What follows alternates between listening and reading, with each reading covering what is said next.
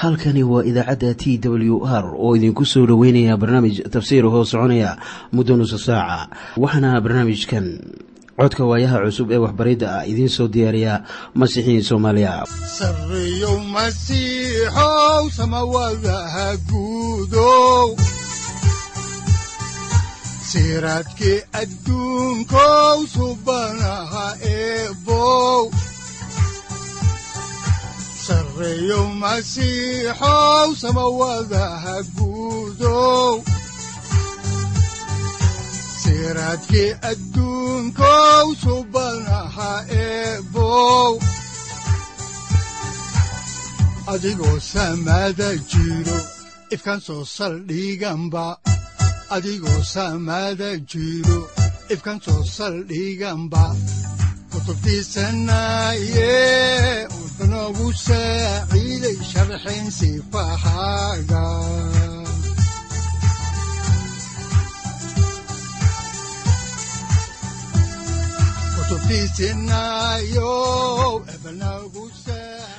dhowaada dhegaystayaal barnaamijkeena dhammaantiinba waxaanu horay u sii ambaqaadi doonaa daraasaadkii la magac baxay baibalka dhammaantii waxaanu caawiya idiinsii wadi doonaa cutubka shan iyo tobnaad ee injiilka sida luuka hoos u qoray waxaanse ugu horraynta jeclaan lahayn inaan wada dhegaysanno qhasiidada tan soo socota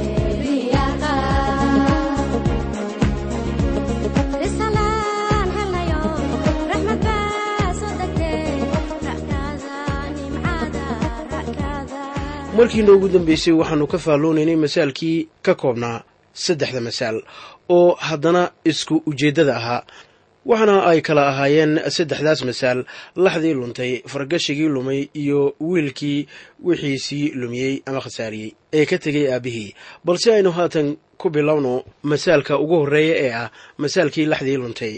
Haddaan horay u sii ambaqaadno injiilka sida luuka hoos u qoray cutubka shan iyo tobnaad aayadaha saddex ilaa toddoba ayaa waxaa qoran sida tan. Markaasuu masaalkan kula hadlay oo ku yidhi ninkiineebaa tira ida a leh oo midood ka hallowday aan sagaal iyo sagaashanka cidlada kaga tegin oo aan tii hallowday ka daba tegin ilaa uu soo helo oo goortuu soo helo aan garbihiisa saaran isagoo faraxsan oo goortuu guriga yimaado aan isugu yeerin saaxiibadii iyo darisyadiisii isagoo ku leh ila farxa waayo waxaan helay laxdii iga luntay ama hallowday. Waxaan idinku leeyahay sidaa oo kale farxad ayaa jannada kaga jiri doontaa dembiile toobadkeena in ka badan sagaal iyo sagaashan xaqa oo aan toobadkeen u baahnayn. Arijiraha masaalka ku jira waa arijiraha weyn ciise masiix innaguna waxaynu nahay idihii. Waxa uu lahaa boqol neef oo ida ah. Markaasaa midig ka luntay. Sida daacadda taasu waa tiro aad u badan. Markaana mid baa ka luntay oo waxa u hartay sagaal iyo sagaashan.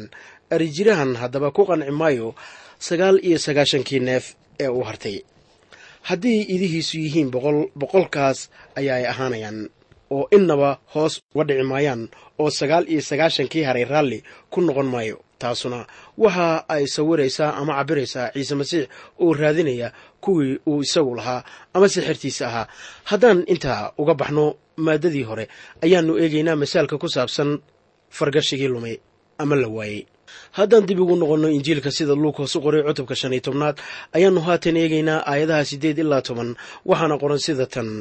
Ama naagteebaa toban darakmo oo lacaga leh oo hadday darakmo lumiso aan laambad shidin oo aan guriga xaaqin oo aan dadaal ku doondoonin ilaa ay hesho oo markay hesho aan saaxiibadeeda iyo derisyadeeda isugu yeerin iyadoo ku leh ila farxa waayo waxaan helay darakmadii iga luntay. Waxaan idinku leeyahay sidaa oo kale. Markii mid dembi leh toobad keeno. Farxad ayaa kaga jirta malaa'igaha ilaa hortooda.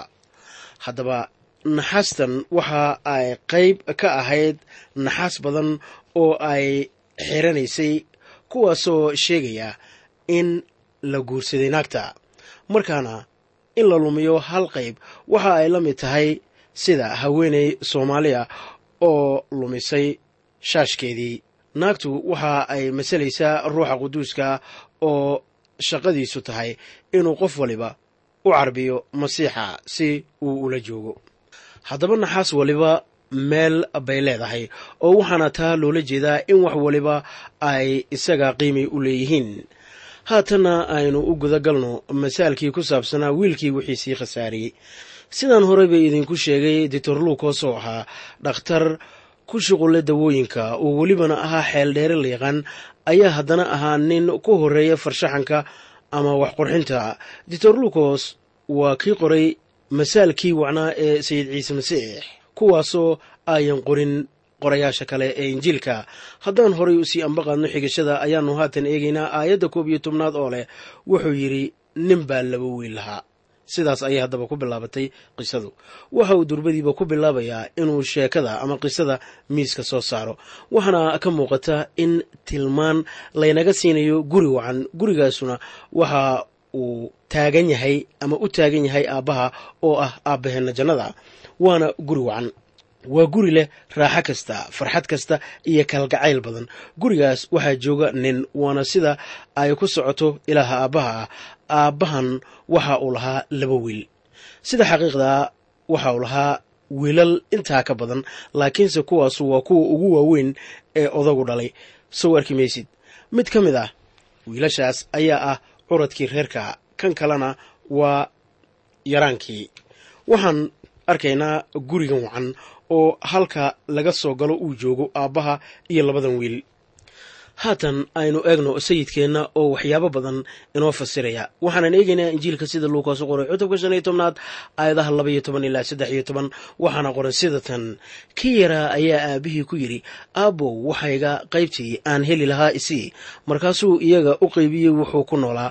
Maalmo aan badnayn dabadeed wiilkii yaraa waa wada urursaday wax waliba oo dhul fog ayaa u safray.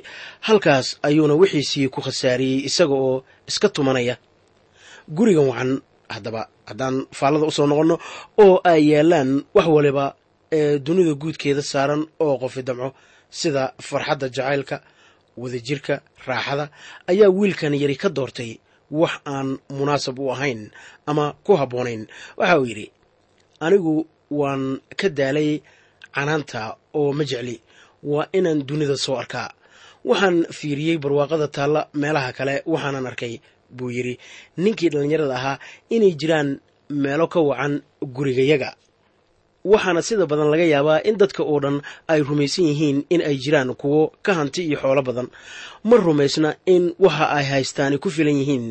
Wiilkuna markii uu eegay meel gurigii aabbihii ka baxsan ayaa uu yidhi waxaa ii wacnaan lahayd inaan tago meel aan ahayn guriga aabbahay ama gurigayaga wiilku ma jeclaysan barwaaqada guriga aabbihii taalla.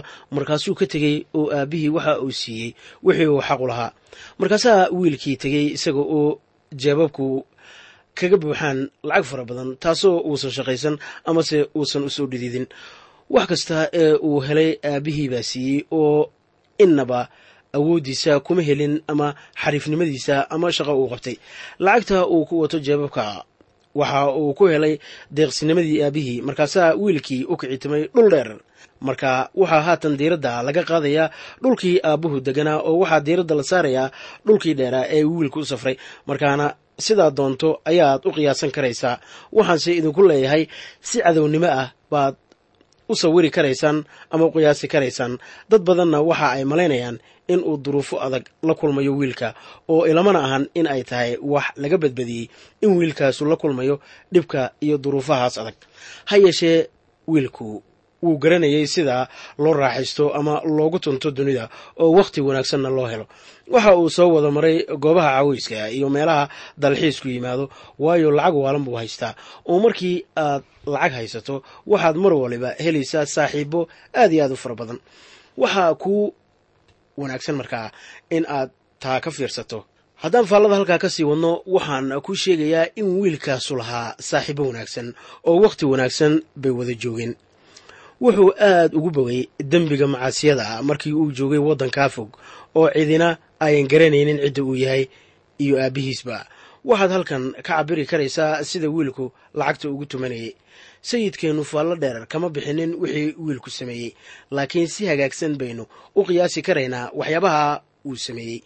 Haddaba waxaa timi maalin uu wixiisii oo dhan dhammaystay markii uu fiiriyey jeebabkiisana waxa uu arkay inaanu haysanin gambo lacaga. War maxaa ku dhacay wiilkan oo maxaa haysta ninkan dhallinyarada ah ee waddanka fog jooga? Oo welibana aan haysan wax uu isaga bixiyo koob shaaxa bal aynu horay u sii ambaqaadno injiilka sida luukas u qoray cutubka shan iyo tobnaad aayadda afar iyo tobanaad. Waxaana qoran sida tan. Goortuu wada bixiyey dabadeed ayaa abaar daran dhulkaa ka dhacday wuxuuna bilaabay inuu baahdo. Haddaba ma ahan haatan in uu xaalad lacag la'aaneed oo keliya ku soo dhacay laakiin waddankaasoo dhan ayaa xaalad adag oo abaareed maraya.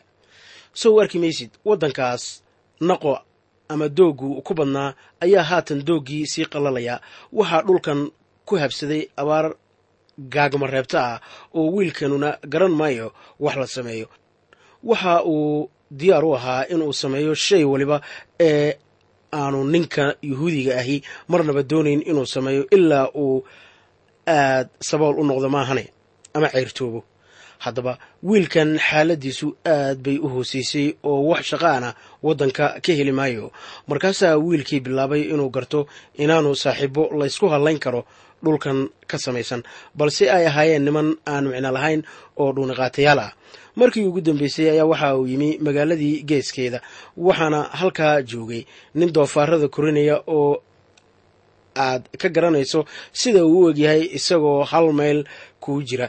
Waxaa taa looga jeedaa inaanu baabu irsaq ama deeqsi ahayn nin doofaara koriya markaasaa wiilkii u tegey ninkan doofaarada koriya oo waxa uu ku yidhi waxaan doonayaa inaad shaqo isiiso ninkiina waxa uu ku yidhi wiilyahow wax mushaara oo aan ku siinayaa ma jiraan laakiin haddii aad doofaradaas wax la cunayso oo weliba aad ii kala dhicinayso oo aad dhaqaalaynayso marxaba soo dhowow ayaan ku leeyahay.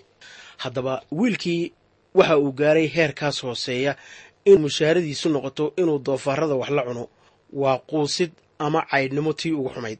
Markii sayidkeennu yidhi wuxuu damcay inuu calooshiisa ka buuxiyo buunshihii doofaaradu ay cunayeen. Ayaa sidaa baartaa dadkii dhegaysanayey ha ahaadeen farisiin iyo cashuurqaadayaaleh ka lalaboodeen waayo qofka cibraaniga ah heerkaasi ma gaaro. Waxa ay ahayd inaanu doofaaro waxba ku darsan iska baddaa inuu daajiyo oo uu wax la cuno eh. Waayo waa sharcigii muuse ayaa taas ka wada xarimayay reer banu israa'iil laakiin heerka uu gaaray iyo noloshiisu waxay ahayd mid aad looga naxo. Kaasu waa sawirka laynooga muujiyey wiilka waana mid gudcur ah. Sow arki maysid in wiilka heerkiisii ugu hooseeyey uu soo gaaray isaga oo yimi ama ka yimi qoys aad iyo aad u ladan. Haddaba aynu faahfaahinno waxa masaalkan dulucdiisu tahay asaasiyan masaalku ma ahan sida dembile lagu badbaadinayo. Laakiin waxa uu muujinayaa qalbiga wanaagsan amase danniga wanaagsan ee aabbaha. Kaasoo aan badbaadin oo keliya dembiilaha ah laakiin ku qaadanaya wiilka dembiyadiisa. Haddaan dib ugu noqonno xigashada injiilka sida luukas u qoray ayaan eegaynaa cutubka shan iyo tobanaad aayadaha shan iyo toban ilaa lix iyo toban waxaana qoran sida tan goortuu tegey oo isku daray nin dadka dhulkaasa kan u diray beerihiisa inuu doofaara daajiyo waxa uu damcay inuu calooshiisa ka buuxiyo buunshihii doofaaradu ay cunayeen. Ninnana waxba ma uu siin. Laga yaabo in wakhti ka hor intaadan arrinkan maqal ay kula ahayd in la buunbuuninayo qisada markii aan idhi saaxiibadiisii berisamaadka ma ayan caawin.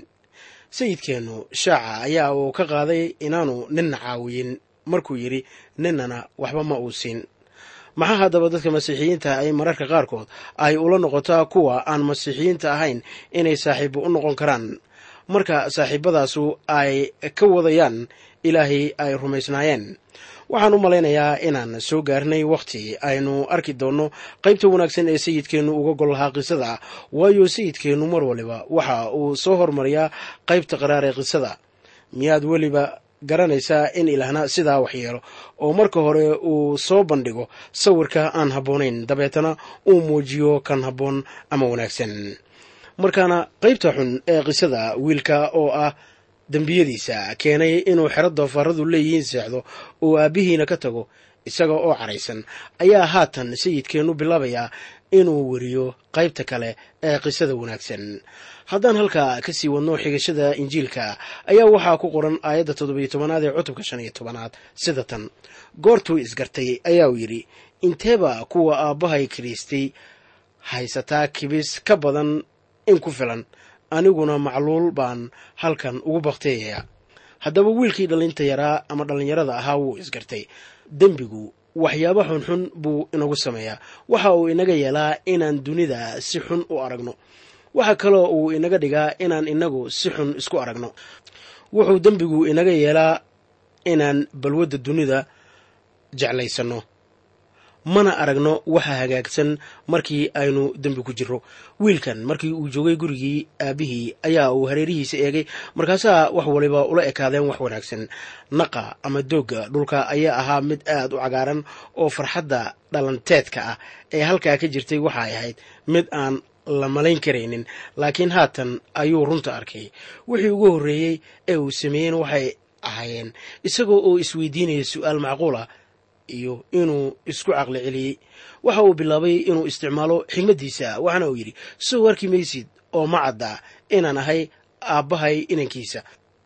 Waxaan haatan joogaa xero doofaarada lagu dhaqaaleeyo. Markiise aan joogay gurigii aabbahay waxaan arki jiray in shaqaalayaashiisu ay ka nolol fiicnaayeen ama haysteen nolol ka wanaagsan tan aan iminka ku noolahay. Oo baleeg anigu waxaan ahay wiilkiisii ayaa uu isku yidhi markii uu bilaabay inuu sidaa u fakero waxa uu bilaabay inuu wax garto. Oo haatan ninkan dhallinyarada ah waxa uu wax wanaagsan u samaynayaa ama uu u cabirayaa sida nin xigmadle isagoo ah. Haddaan halkaa ka sii wadno injiilka sida luukoos u qoray ayaanu eegaynaa cutubka shan iyo tobanaad aayadaha siddeed iyo toban ilaa sagaal iyo toban waxaana qoran sida tan. Waan kici oo aan aabbahay u tegi oo waxaan ku odhan aabbow waxaan ku dambaabay samada iyo hortaadaba kol dambe ma istaahilo in la iigu yeero wiilkaaga ee iga dhig sida kuwo aad kiriysatay midkood oo kale. Iminka waxaanu arkaynaa sawir iftiimaya oo laga bixiyey qisada. Waa sawirka ugu iftiinka badan waana sawirka guriga wacani leeyahay. Waa guriga odayga ee aynu idiin soo sheegnay haddaba gurigaasu waa mid aad u qurux badan waana guriga aabbaha. Sayid ciise waxa uu yidhi guriga aabbahay waxa uu leeyahay hooyaal badan. Haddaba gurigaasu waa kan guriguna waa kan qisada lagu sheegay. Oo waxaa jooga ama ka muuqda aabbe dariishadaha guriga wax ka eegaya. Dariishadaas ayaa uu eegayey ilaa maalintii wiilkiisu tegey. Miyaadse og tahay wixii uu dariishada u eegayey waxa uu garanayay in maalin wiilku ku soo noqon doono dariiqii uu horay u maray isaga oo gurigii aabbihii imanaya qof baa is odhan lahaa miyaad rumaysan tahay haddii mar lagu badbaadiyey. Inaad weligaa badbaadayso. Waxaan leeyahay haa qof kale ayaa isna odhan kara miyaa masiixiyiintu ku jiri karaan dembi? Waxaan haddaba leeyahay maya. Waayo aabbaha gurigiisa ayaa uu wax ka eegayaa oo waxa uu leeyahay wiilashayda oo dhaniba way imanayaan wiilashayda ma jecla in ay joogaan xerada doofaarka. Waayo iyaga ma lahan dabiicadda doofaarada waxayse wiilashaydu leeyihiin dabiicadda wiilnimada oo ah inay leeyihiin dabiicaddayda wiilashaydu ku farxi maayaan meel kale laakiin waxa ay farxaddoodu imanaysaa markii ay gurigayga joogaan. Mid kasta oo ka mida wiilashayda ayaa uu leeyahay aabbuhu oo jooga meel aan gurigayga ahayn oo gala xeryaha doofaarada micnoma leh sida uu ugu wasaqoobo halkaa ama uu dhulka u quuso balse haddii uu yahay wiilkayga ayaa uu maalin odhan doonaa waxaan aadayaa aabbahay.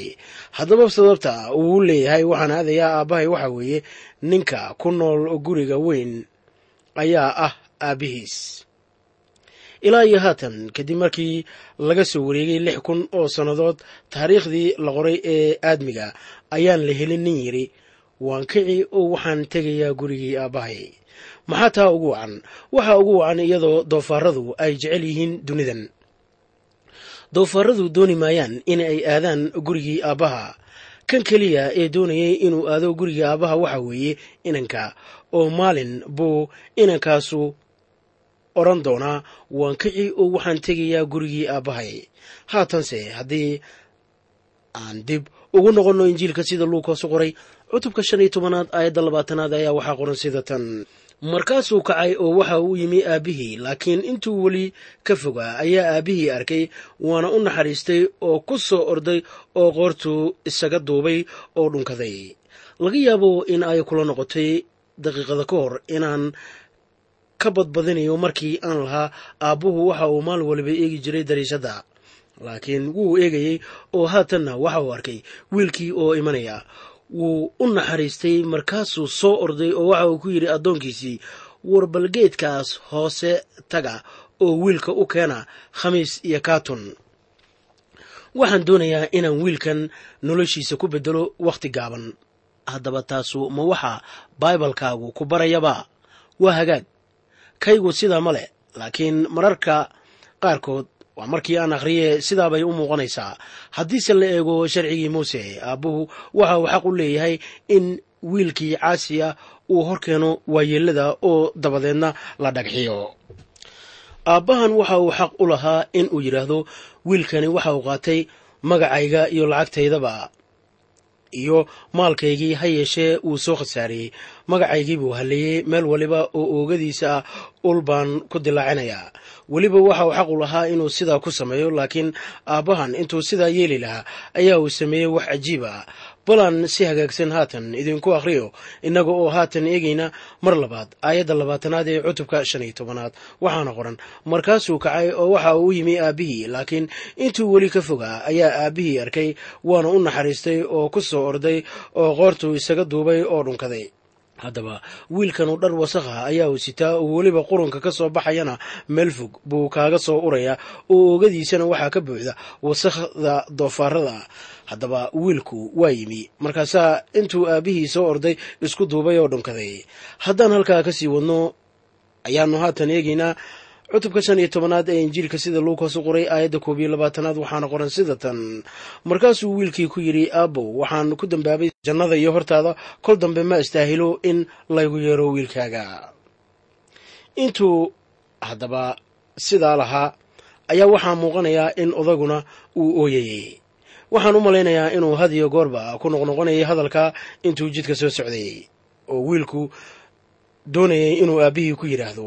Mar waliba wuxuu lahaa haddaan gurigii aabbahay gaaro waxaan ku odhan doonaa aabe waxaan ku dambaabay samada iyo adiga hortaada. Haddaan horay u sii ambaqaadno injiilka ayaa waxaa ku qoran cutubka shan iyo tobnaad aayadaha labaiyo labaatan ilaa afar iyo labaatan sida tan. Laakiin aabbihii ayaa addoommadiisii ku yidhi dhaqso u soo bixiya khamiiska ugu wanaagsan oo u geliya kaatunna gacanta u geliya kabana cagaha u geliya dibigii yaraa ee la shishleeye keena oo gowraca aynu cunno oo faraxno. Waayo wiilkan wuu dhintay wuuna soo noolaaday wuu lumay waana la helay. Markaasay bilaabeen inay farxaan. Haddii aad xaflad doonayso inaad samayso suuragal kuu noqon mayso in aad ka samaysato waddan kale. Haddii aad tahay mid ka mid ah carruurtii ilaah maahan in aad inta dembaabto haddana aad la baxsanayso. Waxaa kaloo joogi karaysaa xerada doofaarada laakiin saaxiib wax raaco ah ama ididiila ah ka heli maysid halkaa haddii aad tahay wiilka aabbaha waxaad imanaysaa maalin aad odhan doonto waan kici oo aabbahay baan u kici waana tegi doontaa. Haddaan horay ugu sii soconno xigashada kitaabka. Ayaanu eegaynaa aayadaha xiga ee shan iyo labaatan ilaa siddeed iyo labaatan waxaana qoran sida tan laakiin wiilkiisii weynaa beertiibuu ku jiray oo intuu soo socday oo uu guriga u soo dhowaanayay waxa uu maqlay muusiga iyo ciyaar.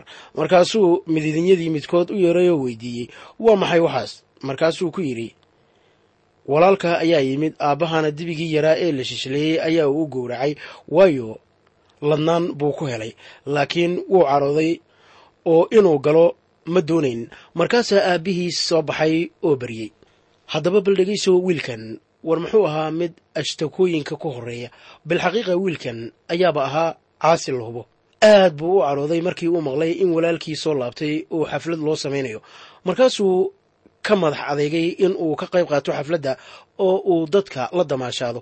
Aabbihii ayaa u yimid oo ka baryey in uu ka qayb qaato xafladda loo qabtay walaalkiis haddaan horay u sii ambaqaadno injiilka sida luukas u qoray cutubka shan iyo tobnaad aayadaha sagaal iyo labaatan ilaa iyo laba iyo soddon ayaa waxaa qoran. Laakiin wuu u jawaabay oo wuxuu aabihii ku yidhi baleeg intaas oo sannadood ayaan kuu shaqaynayay oo weligay amarkaaga kama aan xadgudbin oo weligaa waxar ima aadsin inaan saaxiibaday la farxo. Laakiin goortii uu yimid wiilkaagani waxaagii aad ku nooleed dhilooyin la cunay. Waxaad u gowracday dibigii yaraa ee la shishleeyey markaasuu ku yidhi wiilkaygiiyo weligaa waad ila joogtaa oo waxayga oo dhanna adigaa leh. Laakiin waxaa inoo wanaagsanayd inaynu rayrayno oo farxno waayo walaalkaagani waa dhintay wuuna soo noolaaday waa lumay waana la helay haddaba. Waxaa jira masiixiyiin fara badan oo aan dhulfog ku noolayn. Waxa ay isku dayayaan inay ilaahu noolaadaan laakiin waa niman saboola. Maxaa keenay taa? Dadkaas waxa ay leeyihiin barakada ruuxiga ah oo dhan laakiin ku adkaysan maayaan. Ilaa waxa uu leeyahay wax waliba idinkaa leh. Wax waliba ee aan leeyahay idinkaa leh ee qaata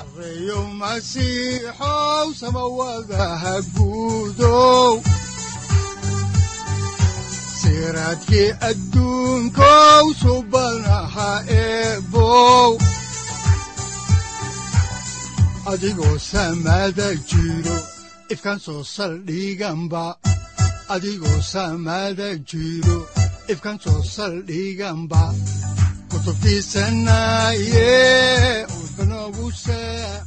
halkani waa t w r idaacadda t w r oo idinku leh ilaa ha idin barakeeyo oo ha idinku anfaco wixii aad caawi ka maqasheen barnaamijka.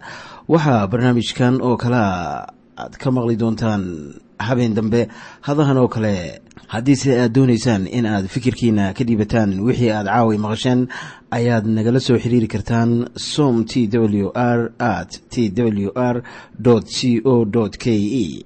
Haddii aad doonaysaan in aad dejiisataan oo kaydsataan barnaamijka ama aad mar kale dhegaysataan fadlan mar kale booqo www t w r o r g amase waxaad teleefoonkaaga ku kaydsataa ama ku download garaysataa agabyada ku sahli karaa dhegeysiga t w r haddii aad doonayso in laga kaalmeeyo dhinacyada fahamka kitaabka amase aad u baahan tahay duco fadlan fariimahaaga soo mari bogga aaraahda ama kommentska inana jawaab degdeg ah ayaanu ku soo diri doonaa amase ku siin doonaaye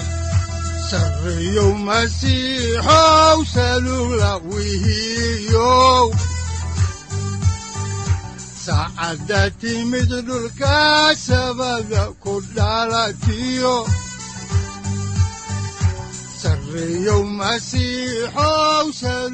halkani waa t w r oo idiin rajaynaya habeen baraare iyo barwaaqaba leh. Inta aynu ka gaari doono wakhti aynu ku kulanno barnaamij la mida kan caawayay aad maqasheen. Waxa aan idinku leeyahay nabadda ciise masiix ha idinku badato xagga jidhka iyo ruuxaba. Aamiin